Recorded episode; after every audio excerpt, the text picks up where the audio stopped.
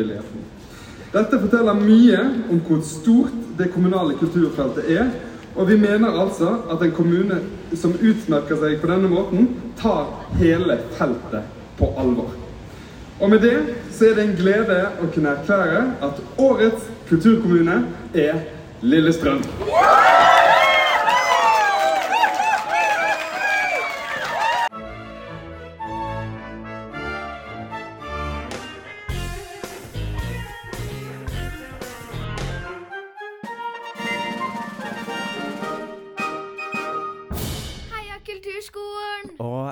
Kjære lytter. Mitt navn er Morten Hagevik, og i denne lille spesialepisoden av podkasten Heia Kulturskolen, så sitter jeg helt aleine i studio i dag. Marianne er på oppdrag på Festspillene i Nord-Norge, men jeg har vært en liten tur i Drammen. Og der møtte jeg mange hyggelige folk, som alle sammen var på Kulturytring 2023. Vi skal fortelle mer om eh, Kulturytring, hva det er, vi skal snakke litt om Norsk kulturforum, og jeg har snakket med ordføreren i Lillestrøm, og jeg har snakket med en vaskeekte kultursjef i Narvik kommune, og eh, så har jeg også tatt en prat med en eh, meget entusiastisk rådgiver i KS, og til slutt så skal vi få høre utsnitt av en eh, lengre samtale som jeg hadde med Terje Lindberg, som eh, begeistret svært mange på årets eh, kulturytring. Men altså tilbake først til kåringen av årets kulturkommune. Norsk kulturforum, som eh, vi kan si er eh, Ja, det er vel et slags eh, KS på kulturfeltet. I hvert fall lillesøsteren til KS, som organiserer en rekke kommuner rundt om over hele landet. De har siden 1992 delt ut den, ja, den, jeg vil si den gjeve Norges kulturkommune. Og i år så var det tre finalister. Aurskog-Høland kommune, Lillestrøm kommune og Skien kommune. Og det hele startet i ganske dårlig vær på utescenen eh, ved Papirbredden. Eh, vi er altså i Drammen. Eh, det er eh, formiddag. Det er litt surt og kaldt. Overraskende surt og kaldt, og regn. Og ut på scenen kommer altså disse. Nei,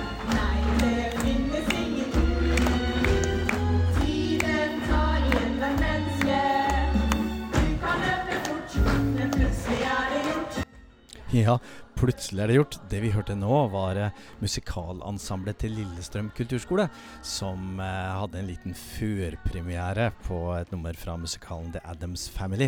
De skal for øvrig ha premiere eh, ja, i midten av november, så det bør i hvert fall de som er i nærheten av Lillestrøm få med seg.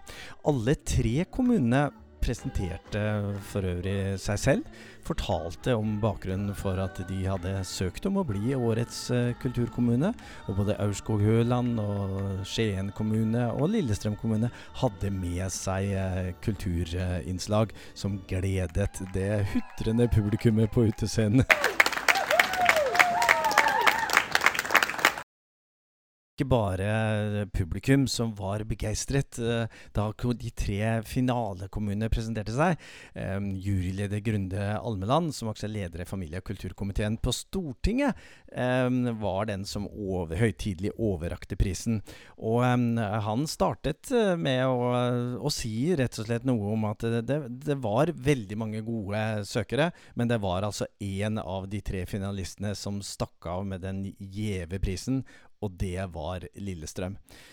Hvorfor ble Lillestrøm valgt? Jo, eh, noe av det som var eh, viktig eh, var, for juryen, var jo det at de, de eh, hadde vist, og vist gjennom flere år, at de, eh, var, de er veldig opptatt av hvordan de politisk eh, skal gjøre det beste for kulturen. De har et eget politisk utvalg, altså et eget kulturutvalg, som fremmer og behandler alle kultursaker, og, og de har sterke politiske ambisjoner for kultur og kulturutvikling.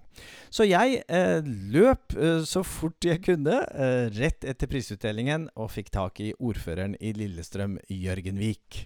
Du sa i takketalen eh, stor takk til kulturskolen og alle kulturutøvere. Ja, jeg mener jo det.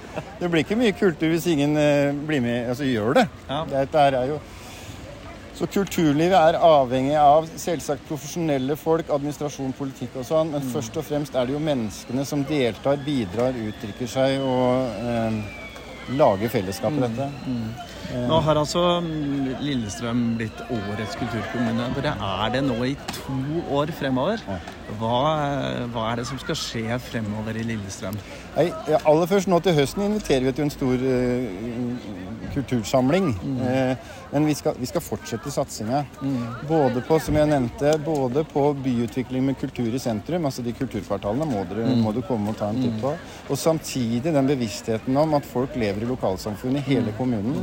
Og at kultur er viktig for identitet, for eh, fellesskap og ikke minst for å utvikle si, eh, folk som er interessert i å være sammen med andre. Og uttrykke seg sjøl og lytte til andres uttrykk. Så har du gode folk som jobber med dette i, eh, i kommunen din, og du, du takket også dem. Se, Ja. se så pene de er! Ja, det er Der de flott. satt på første rad. ja, ja, ja. Hvilken betydning har, har de som jobber med kultur i kommunen Ja, denne prisen? det er avgjørende betydning, så klart. Én ting er å være politiker og sitte og eh, bestemme overordna. Det er jo det vi beslutter, er jo også eh, fundamentert eller med bakgrunn i hva de som jobber med kultur og innenfor kulturfeltet, har av innspill, muligheter, tanker, eh, visjoner. Så så, eh, så det, det samspillet mellom politikk og administrasjon, da, som man snakker så fint om i Kommune-Norge, det er helt avgjørende. Får ikke til dette her eh, uten at politikken og administrasjonen, fagfolka, jobber sammen. Gratulerer igjen med prisen. Tusen, tusen takk. Takk skal du ha.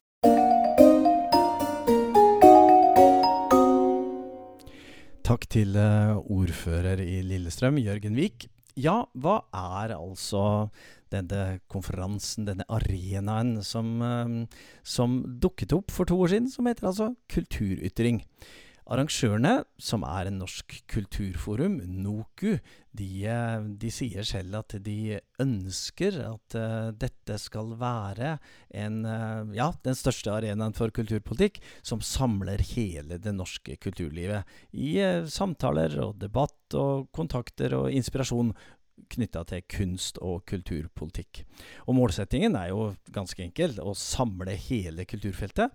Og etter eh, Ja, første gang de gjorde dette var for to år siden, i eh, 2021. Eh, De fikk en, eh, en litt trøblete start. Det var pandemi, og noe var digitalt, og noe var fysisk, og noe var en kombinasjon. Og eh, ikke alle organisasjonene som skulle ha eh, innlegg der, var fornøyd med programmet, så mm, eh, noen vil kanskje huske at det var noe støy rundt dette. Det gjorde jo at, eh, at flere av oss var ganske spente på hvordan eh, årets eh, kulturytring skulle bli, og konklusjonen er jo ganske klar. Det var helt fantastisk. Eh, veldig høy kvalitet på foredragene, spennende temaer, en unik mulighet til å møte mennesker som jobber med og for kunst og kultur fra hele landet. Og, eh, og litt problematisk at det er så mange spennende ting å være med på at man rett og slett ikke har mulighet til å få med seg alt. Eh, dessverre. Men eh, noe fikk jeg med meg, og en av de eh, foredragene, temaene som fatta min interesse, var jo naturligvis eh, det som hadde tittelen 'Kunsten å utvikle kulturpolitikk'. Eh, arrangert av KS, og, og temaet var kommunevalg og, og, og, lokal og også regional kulturpolitikk. Og i et feiende flott foredrag så fikk vi altså høre fra KS Kultur, sin spesialrådgiver, eh, ganske mye nyttig om eh, både utvikling av kulturpolitikk eh, og mer til. Og jeg løp og fikk tak i henne med en gang foredraget hennes var ferdig, og tok en liten prat. Her står jeg med Line Solbakken, som ja, du er nettopp ferdig med ditt eh, strålende foredrag om kultur eh, og sånn, spesialrådgiver i KS. Eh, Du startet med å snakke om det vidunderlige kulturfeltet som jeg er så forelsket i. Og, ja, hvordan, hvordan startet dette her? Du, vet du, Jeg har jobba med kultur hele livet. Ja. Eh, har jobba både utøvende i sektoren, har jobba i masse prosjekt, har jobba i masse kulturinstitusjoner og også jobba i kommunesektoren med kultur.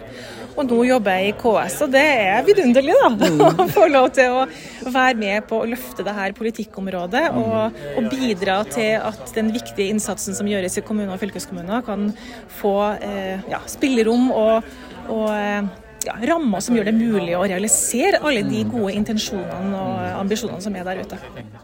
Så er noe av det du fortalte oss her på Kulturytring, at eh, kultur bør i større grad være en integrert del av samfunnsutviklingen.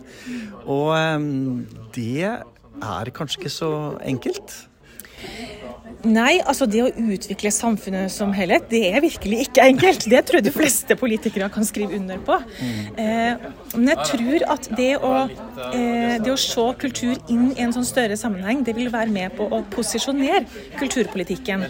Og så tror jeg kanskje at det kan være kontroversielt i, i noen sammenhenger, fordi man eh, vil ta vare på det vi gjerne betegner som kulturens egenverdi, og tenke at det er litt sånn motsetningsforhold da, med å ta vare på egenverdien og det å fokusere på nytteverdien. Jeg tenker at det er to sider av samme sak. Egenverdien må ligge i bunn for at nytte- eller samfunnsverdien skal oppstå. Eh, men eh, når man snakker til en politiker som faktisk har som oppgave å utvikle samfunnet, så tenker jeg det er viktig å peke på alle de, den bredden av verdier da, som kultur genererer. Og så er det jo det som jeg var inne på, da, at kultur er, er jo Man lever jo ikke i boble. Altså, alt henger sammen i samfunnet. Og, og politikk som utvikles på andre politikkområder, påvirker jo kulturfeltet. Og det som gjøres på kulturfeltet, påvirker andre politikkområder. Så Derfor så tror jeg det er lurt å på en måte eh, se ting i sammenheng, samtidig som man selvfølgelig skal ta vare på kulturens egenverdi og eh, de fa spesifikke faglige behovene som kulturfeltet har. Så gikk det et lite gisp gjennom salen da du presenterte i hvert fall én modell av det kulturelle økosystemet. For der var, det, der var det mye sirkler og piler og streker. Er det, er det, er det, er det komplisert? Ja, det er jo det. Sånn at jeg, jeg kan godt forstå at, eh, at det er vanskelig å sette seg inn i det her området. Men det er jo sånn at alle fagfelt har egentlig sitt økosystem. Eh, altså I det store samfunnets økosystem så er det mange sånn underøkosystem. Du kan tenke det samme om helsepolitikken. Vi har store sykehus, vi har Røde Kors, vi har legekontor, vi har helsehjem. Altså Det er mange ulike aktører og funksjoner som skal spille sammen. Det samme er Nå vifter jeg veldig med armene, merker jeg. Ja, ja. Det får du ikke med der. Men, men, eh, men det samme gjelder på kulturfeltet. Det er, sant? det er ulike aktører, ulike roller, ulike funksjoner som spiller sammen. Og, og det å treffe med kulturpolitikk inn i det økosystemet, det blir jo komplisert. da. For, for du kan jo risikere å, bare treffe én en eneste aktør, og så har det kanskje ikke noen ringvirkninger. Eller du kan treffe, eh, treffe midt imellom, og så passer ikke det. og Så har det skjedd noe med KS i de siste årene fra Ja, vi som er litt sånn på utsiden jobber i Kommune-Norge, så, så har KS vært litt, eh, ja, litt fjern når det gjelder eh, kultur og kulturpolitikk og kultursaker. Men, men, men nå er KS veldig aktiv på dette området. og Kan du si litt om hvorfor, hvorfor det? Hva har skjedd? Det er jo rett og slett våre medlemmer, politikerne, som har eh, bestilt at vi skal jobbe mer med kultur. Og det er jo jeg som fagperson på feltet veldig veldig glad for. Og du har nok rett i at KS eh, kanskje har jobba litt lite med kultur tidligere. KS har jo vært til stede på kulturfeltet hele veien. Men vi har nok styrka innsatsen i, i form av at man nå jobber mye mer proaktivt. Og, og det er liksom ikke Man tar ikke nødvendigvis litt sånn tilfeldige saker som havner på bordet, men vi jobber mye mer for å virkelig legge til grunn et godt kunnskapsgrunnlag for å jobbe med det i KS. Eh, virkelig på en måte se på hva er de viktigste interessepolitiske sakene, hvor er det vi virkelig kan sette inn støtet for å utvikle verktøy og, og ting som kommunesektoren har behov for. Så jeg er kjempeglad for det oppdraget vi har fått, og veldig glad for at jeg får lov til å være med på å virkelig utvikle feltet i gjennom KS. da. Og helt til slutt eh, i denne sekvensen så, så blir eh, kulturskolen som eh, fremtidig politikkutvikler og arena, altså Fremtidens kulturskole, trukket frem som et av de viktige prosjektene for KS. Ja, det er klart det er et prosjekt på, på et uh, område i kultursektoren, uh, eller kulturfeltet. Det, kulturfeltet består, i kommunesektoren består jo også av masse innsatsområder, så det her er et av dem. Men det er klart det er en aktør som jobber ut mot barn og unge, og som har en utrolig viktig rolle, Uh, og som som også nå i de siste årene har blitt kjempedyktige på å koble seg inn mot andre aktører mot barn og unge, sånn at man kan se den her helheten vi var inne på i stad, og gjøre hverandre gode. Kjempefint. Takk skal du ha. Tusen takk skal du ha.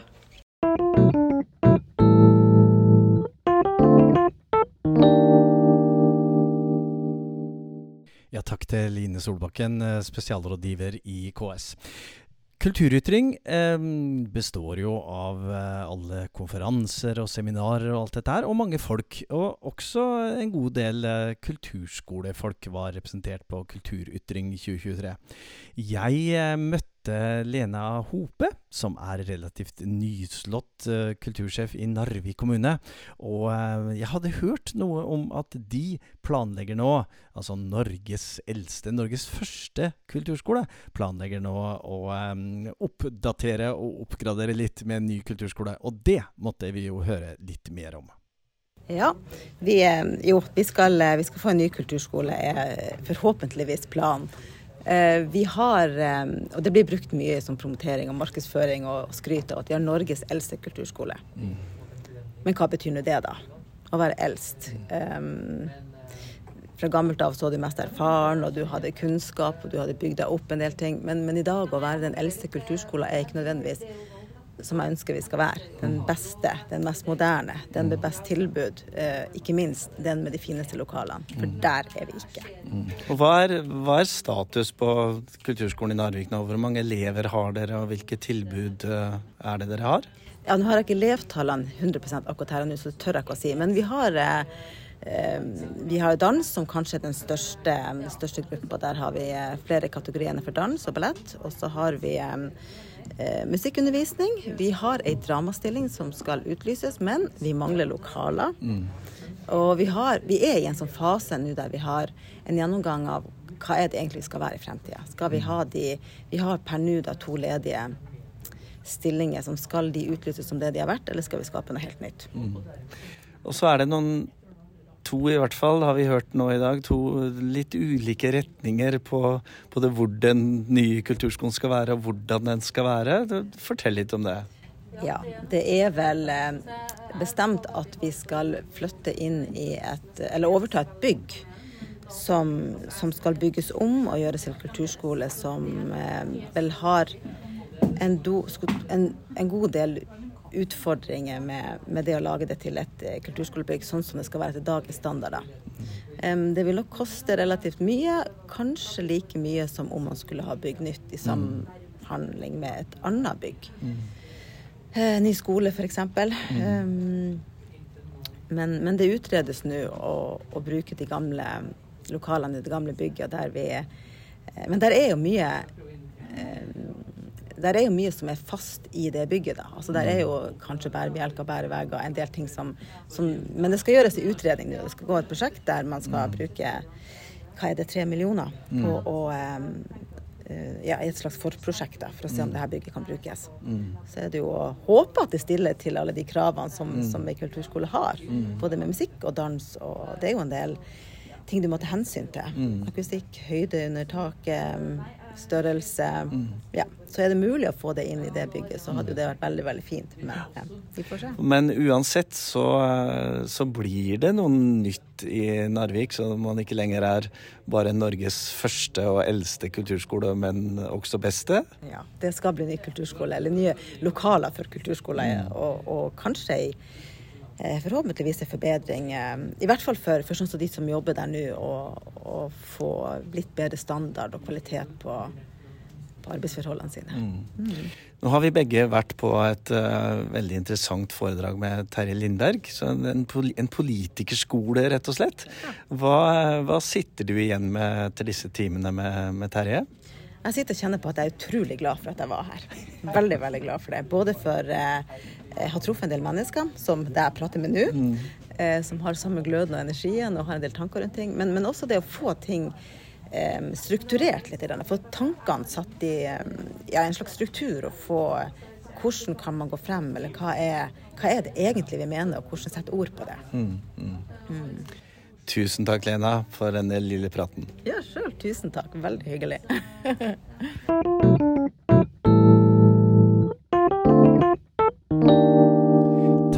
til Lena Hope, kultursjef i Narvik kommune. Ja, hva i all verden er det å ytre seg, og ikke minst hvordan skal man ytre seg på best mulig måte? Terje Lindberg han var lærer på Kulturpolitikerskolen eh, på årets eh, kulturytring. Og Terje Lindberg er ikke hvem som helst. Han er eier til daglig og kursholder for uh, firmaet Company Stories, og har selv bakgrunn både som kulturpolitiker, og til daglig så trener han både politikere og programledere og ja, mange som skal stå frem i offentligheten for å påvirke både i Norge og Sverige og andre steder. Han har bakgrunn fra teatret og TV-drama TV NRK annet, og er utdannet uh, cand.philol med fordypning i ekspresjonistisk teater. Og jeg uh, tok med meg eh, Terje Lindberg eh, til en eh, kafé, et stille kafébord, og ba han rett og slett ytre seg og fortelle om hvordan er det man bør ytre seg på best mulig måte, og hvor i all verden er kulturskolens plass i alt dette her. Så her kommer Terje Lindberg. Jeg er så ufattelig heldig at jeg kommer fra en bygd i Nord-Trøndelag med et eh, motto som kommunemotto 'Her er du født, begynn å grave'. Og, og jeg så Nei! For real? Nei, kanskje, kanskje, kanskje ikke helt. Men, men i hvert fall på, på, på 70-tallet, under min oppvekst, så hadde hun liksom en sånn følelse av at uh, det var mottoet. Men samtidig så var det Vi snakker jo i, i dag veldig mye om kommunens oppgaver, det offentliges oppgaver. Eh, men jeg var for å bare si, i, i parent, eller skal vi hete anførselstegn, så var jeg så heldig at det fantes ingen kulturskole. Og, men sivilsamfunnet invitert til så utrolig mye kulturarbeid. Hadde en mattelærer eh, som var opptatt av at vi måtte spille Schubert, og laga klarinettkvartett for oss som var i korps. Eh, veien videre derfra var å spille i ungdomssymfoniorkester. Eh, problemet med, med, med når vi spilte i korps, da, var at vi hadde en dirigent som hadde nervøse tics. Så vi visste aldri om dette var tics, eller om han egentlig starta låta. Så vi fikk en, en veldig sånn evne til å ha ufattelig lydørhet og skille mellom tics og taktstokk, liksom. Det, det må jeg jo si. Og så hvis jeg skal være eh, sånn mitt, mitt definerende øyeblikk, Morten, eh, da hørte jeg på radio. Dette er 70-tallet. Det er Ivar Dyrhaug og videre, som sier at nå har vi fått inn en skive fra Chicago med McKinley Morganfield eller Muddy Waters. Og så hører vi på en måte den stemmen, og da var jeg sånn 10-11 år. Hørte Everything, Everything Gonna Be Right This Morning. Og tre sure toner fra John Winter. Og det var så til det grader definerende øyeblikk for meg at jeg visste at jeg må spille gitar. Jeg må spille gitar. Det eneste jeg må i livet, er å spille gitar. Og da var det sånn. Det var et enormt bra rockemiljø i Namsos og i Overhalla, der du kunne sitte i prøverommet og få inn lukta fra rørforsterkere og se de gutta i bandet som vi bare så oss opp til, øve. Og som du på en måte Du var omgitt av en på en måte sivilsamfunnets kulturskole. Og det lærte meg at eh, vi skal jobbe med institusjonsbygging, men den må være i dyp kontakt med stedet. Og de ressursene som er der. Og fordi at vi klarer å danne et kulturelt oppvekstmiljø som sivilsamfunn. Og vi må ikke glemme det, at, eh, at de ressursene fins, og at vi ikke må ha f.eks. en skole, en kulturskole, som stenger ute lokalsamfunnet. Så blir på en måte no sense of place. At vi er veldig opptatt av eh, kompetansen skal være på, på, på kunsthøyskolene og utdanningene der, og det er tilstrekkelig. Så jeg tenker at eh, kulturskolene fremover, istedenfor å på en måte liksom bygge seg i retning av at alle blir litt like, alle har på en måte sin kanon, eh, så bør du heller på en måte åpne døren og slippe inn luft utenfra. Og undersøke mer hva fins det der. Men det jeg prøver i dag, altså så i morges her eh, på Kulturytring Drammen, så hadde vi noe som het politikerskolen. Det er litt humor og litt distanse i, i, i selvfølgelig den, den tittelen. Men jeg tror jo på det her at det fins noe, sånn, noe grunnleggende kunnskap i muntlig fortellerkunst som vi kan overføre til å strukturere mer, skal vi kalle det da, eh, politisk kommunikasjon. Altså med en basis, mener jeg, i, i veldig mye av det vi kommuniserer inn, har slektskap til den muntlige fortellinga eh, i måten vi strukturerer ting. Og sånn som du sier, at eh, alltid når vi skal snakke om oss sjøl, så det å innrømme oss i en, i en tidslinje Hvor kommer vi fra, hvor er vi, hvor skal vi? Og det å skape en form for et kollektivt narrativ. Altså historier som vi kan både dele med hverandre, men kjenne oss igjen i. Og, og virkelig tenke at her har vi noen ting vi kan gjøre sammen.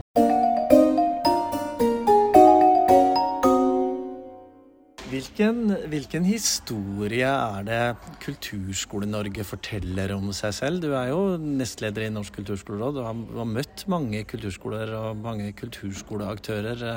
Er det en suksesshistorie, eller, eller er det en historie i det hele tatt? Eller klager vi, eller hva, hva er det etterlatte inntrykket som kulturskolene forteller ut til omverdenen? Det er et veldig interessant spørsmål. for Vi må besvare det nå når vi til høsten skal feire Kulturskolen 50 år, og der er allerede i gang med å lage en jubileumsforestilling. Hva er det vi eh, forteller? Og der tenker jeg at vi forteller eh, Vi forteller én ting som, som, som er, er Skal vi kalle det da underdogens fortelling? Som sier eh, på at vi, grunnen til at vi er her, er i én tid, for vi driver på med integrering. Mm. I en annen tid så sier vi vi er her fordi at vi kan utøve musikkterapi. Sant? Vi kan noen ting. Men altså, kulturskolen stort sett er kompenserende for de samfunnsproblemene som måtte passere oss. Ikke sant? Eh, eh, Istedenfor å kunne fortelle mer rangt og rett krafta i en kulturskole i et samfunn. Den enorme krafta som ligger i å bygge en uttrykkskapital hos barn. Så, eh, men underdogens fortelling er jo alltid vi en tjener. Og vi tjener alle de herrene som måtte på et eller annet vis passere oss på veien. Ikke sant?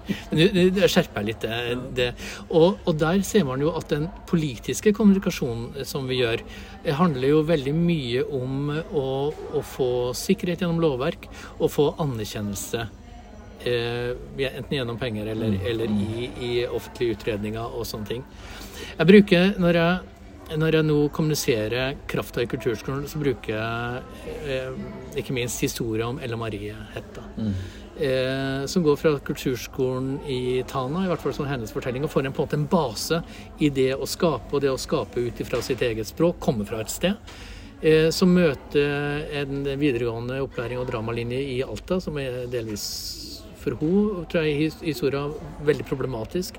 For Finnmarkskollisjonen mellom majoritet og minoritet som kan være veldig veldig trøff. Men så er det altså, så går jo historia, så er det dette øyeblikket under Stjernekamp. Der hun joiker masse. Altså historia på et eller annet vis uttrykt om denne flotte flotte elvedalen som skulle bli oversvømma av eh, staten. Det er en veldig, veldig sterk historie. Mm. Og, og hennes vei, når vi snakker om dette med, med krafta i å, å ha et eller annet for, for, for, for sånn uttrykkskompetanse. Og det står jo i alt vi gjør nå, at det skal føre til demokratisering og styrke unges stemme og sånn. Og jaggu gjør det det. Og den uforsonlige stemmen som eh, hun kom med under Fosen-aksjonen under i, i Oslo for en tid tilbake, er jo et ekko på et eller annet vis et veldig skjerpa ekko av hva vi tenker vi kan gjøre. Og det er den historien vi ikke forteller. Altså individets fortelling. Eh, som eksempel. Altså Vi forteller det i fortellinga vår som veldig veldig generell, istedenfor å, å bygge opp et, et fortellerrepertoar som går på hva er egentlig rekkevidden av å ha vært på kulturskolen. Ikke sant? Eh, og den er utrolig kraftfull, enten det er sånn som min kulturskole, som er uformell og bare basert på sivilsamfunnet, eller den mer organiserte kulturskolen. Så, eh, og vi skal ganske langt tilbake i tid før vi kunne si at eh, kunsten for kunstens egen skyld dette har verdi i seg selv. Og vi har gått veldig noe mer i, en, i, i helt andre typer narrativer, som handler om at eh, kulturskolen enten kompenserer, eller er et instrument for integrering, eller er, er en mulighet for eh, de utstøtte å komme inn. Jeg vet da søren. Det er jo legio. Men jeg tenker at hele, hele den måten vi snakker rundt kultur totalt sett Enten vi leser innledninga til de store NOU-ene som har kommet, og kulturlova og sånne ting, så blir den begrunna i noe annet. At eh, kultur er et verktøy. Mens, mens vi går tilbake til uh, i tid, da. eh, Der man bygde altså, store teatre og kulturinstitusjoner fordi at det hadde kraft i seg sjøl. Eh, og, og da hadde vi jo liksom den, skal vi si Når det var en kombinasjon av en, eh, en by da, som skulle skille seg fra disse bøndene, og borgerligheten begynte å utvikle seg. Man trenger institusjoner for å få til å stenge ut drittlukta fra, fra landet. ikke sant? Altså, og, og, og bygge en ny identitet. Så det var ganske selvfølgelig at det skulle gjøres gjennom operaen, gjennom symfoniorkestrene og alle tingene. Men jeg er redd for at uh, hvis ikke vi opprettholder det narrativet vi egentlig tror på, den historien som egentlig inspirerer oss sjøl, eh, så mister vi noe av kommunikasjonskrafta. For hvis ikke vi er inspirert, hvorfor skal da tilhøreren bli inspirert? Hva, hva gjør man hvis man da har en fortelling, men ikke helt opplever at, at jeg er den riktige til å fortelle den? Eller er det noe man øver på? Er det noe man, får man hjelp til sånne ting? Eller hva, hva er det konkret man gjør for å få dette til? Ja, du spør jo en konsulent, da. De, de, de, eh, altså, eh, telefonnummeret mitt er ja. Nei, altså eh, eh, Nå jobber jeg jo med politisk kommunikasjon. Eh, altså noe spesielt når det er, er valgår. Og da er det er det på veldig, veldig forskjellige nivå. Ikke sant? Eh, Akkurat for tida så jobber jeg med den svenske regjeringa. De skal også fortelle historier. Veldig på en måte viktige narrativ i en tid som oppleves som veldig veldig, veldig kritisk. Og da eh, tror jeg at det fins ingen perfekt fortelling. Det, absolutt ikke.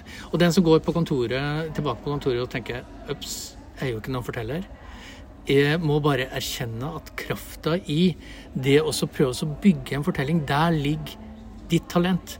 Fordi at i det øyeblikket du tør å plassere et jeg, en erfaring, i det, i, det i, i jobben din også som byråkrat, så begynner det faktisk å skje noe. For disse som jobber i kulturbyråkratiet, da, for å si det sånn, har så enormt stor eh, selvfølgelig kunnskap om lover, regler og prosedyrer og sånn, men de har så stor erfaringshorisont. Og da tenker jeg at eh, det første man skal tenke for å bygge en, en fortelling, er jo å gå tilbake til, kall det da minnespalass. Den kvelden så jeg. Den dagen forsto jeg. Altså finne det unike lille mikroøyeblikket som man tenker at i jobben, det ga meg veldig, veldig veldig mening. Så start med erfaringa, start med jeget, før du skal begynne på å bygge de store, store prosjektfortellingene og presentasjonene til politikere i utvalgsmøter eller kommunestyre eller hvor, hvor, det måtte være. Så jeg tenker at der er det i hvert fall begynnelser. begynnelsen. For alle så har vi en enorm en enormt minnespalass som vi kan plukke ut av. Og da er det å innramme øyeblikket i hvordan kom jeg til dette øyeblikket? Altså, hvor, altså, Enhver historie bør egentlig starte kjedelig, hvis du skjønner? Ja, dere skjønner? Altså, eh, fordi at I det øyeblikket jeg forteller deg, Morten, jeg bare husker en tirsdag. Eh, Det var en helt vanlig regnfull tirsdag. altså, eh, Så ja, hva gjorde jeg? Kokk kaffe? Altså, liksom. Du vet jeg er på vei mot noen ting. Ikke sant? Jeg er på vei mot noe ekstraordinært. Og der prøver jeg å sette i den modellen her er når, hvordan skjer spranget mellom det ordinære og det ekstraordinære? Hva er det ekstraordinære? Er fordi alle så opplever vi ekstraordinære ting, eller, eller ønsker å oppleve ekstraordinære ting. ekstraordinære. Og da handler det om å etablere det ordinære. For vi trenger, altså, eh, eh, historiefortelling handler jo om om, om forflytning fra et sted til et annet. Så du kan ikke liksom starte i det fantastiske eh, du, må, du må ta oss med på veien. For fortelling er jo en måte å strukturere erfaring på. Og, og det aller viktigste erfaringa som vi kan eller har behov for å strukturere, er å observere endring. Fordi at i hverdagen vår så opplever vi ikke særlig endring. Ikke sant? Den foregår så, så, så, så langsomt. Og sjøl om det er på en måte store kriser og krigsutbrudd, men på et, på et hverdagsplan så opplever vi ikke endring. Det er ikke først før vi begynner å bla i fotoalbum at tenker what? Ja. så så, så eh, det er vel kanskje som først og fremst eh, svaret mitt mm. på, på det du spør om. Og ikke være redd, sjøl om du har en jobb, og inndra jeget. Og inndra din egen erfaring ved å finne det personlige. Fordi at all erfaring peker også Det lille peker også mot det store.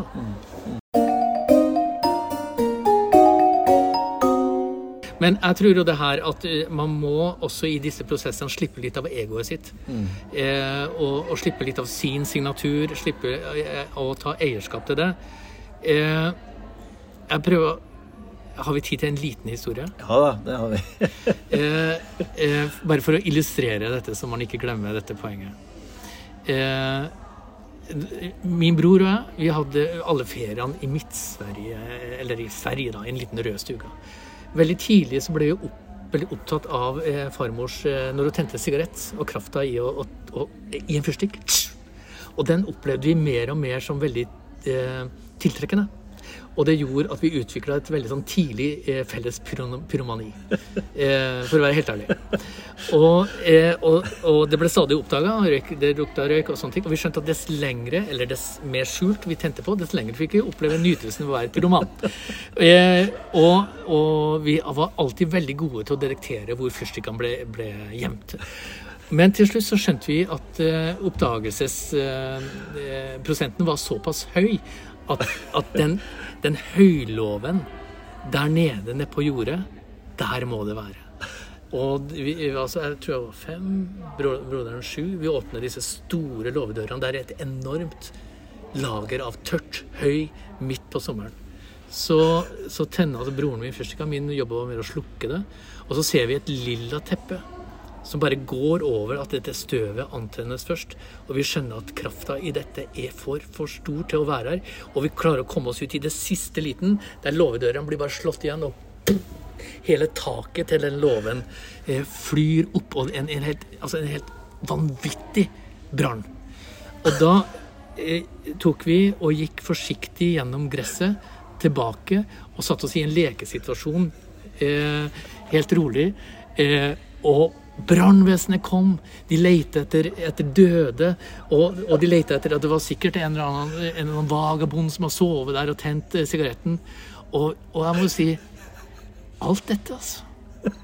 Et liten Alt dette. Eh, og, men det er bare å samtidig bare, Du trenger ikke å, ta- å ta æra for det. Ikke gjør det. Ikke gjør det. For Guds skyld. Ikke, legg egoet til side. Men tenk noe så fantastisk. Ja. For, for en rekkevidde. ja. En liten gnist. Og en eksplosjon ut av dimensjoner. Så nær døden. Kunne vært grilla der inne. ikke sant? Og, og jeg tenker at det også å, å kunne eh, være på en måte eh, en eller annen form for idealistisk pyroman mm. kan være en, en fin rolle. Altså Få ting i gang, se, se hvordan det her fungerer, fungerer, uten at man nødvendigvis trenger å komme helt fram. Fordi at eh, samfunnet er jo en form for stafett. Eh, ting ting eh, kan gå i ny retning. Men likevel, det du antent Hvis det var for reelt, da. Hvis det var reelt, dette tror jeg på. Dette er viktig for oss, og det er ikke viktig for meg, men for oss. Eh, og at man avgir, oppgir noe av egoet sitt og går inn mer i en kollektiv tankegang. Eh, så tror jeg at dette med tid, og lang tid, lange prosesser, er kanskje veldig bra for, for enkelte.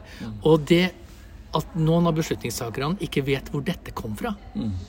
At det var du som satt der i gresset med fyrstikka og, og, og sånne ting. Det, altså, det er ikke så viktig. Ikke sant? Bare du vet det, og kan ta det til, til, til, til ditt hjerte. Eh, denne brannen Hva det er som satt i gang, altså. Jeg liker det. Det er veldig bra. Terje Lindberg, vi kunne, vi kunne sitte her lenge og, og delt historier med hverandre. Men nå er vi altså på slutten av sesong fem av podkasten Heia kulturskolen.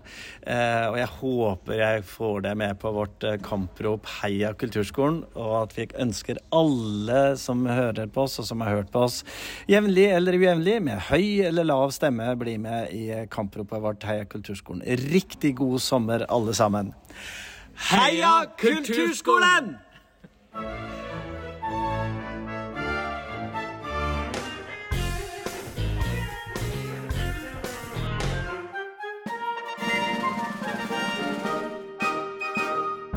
Heia Kulturskolen!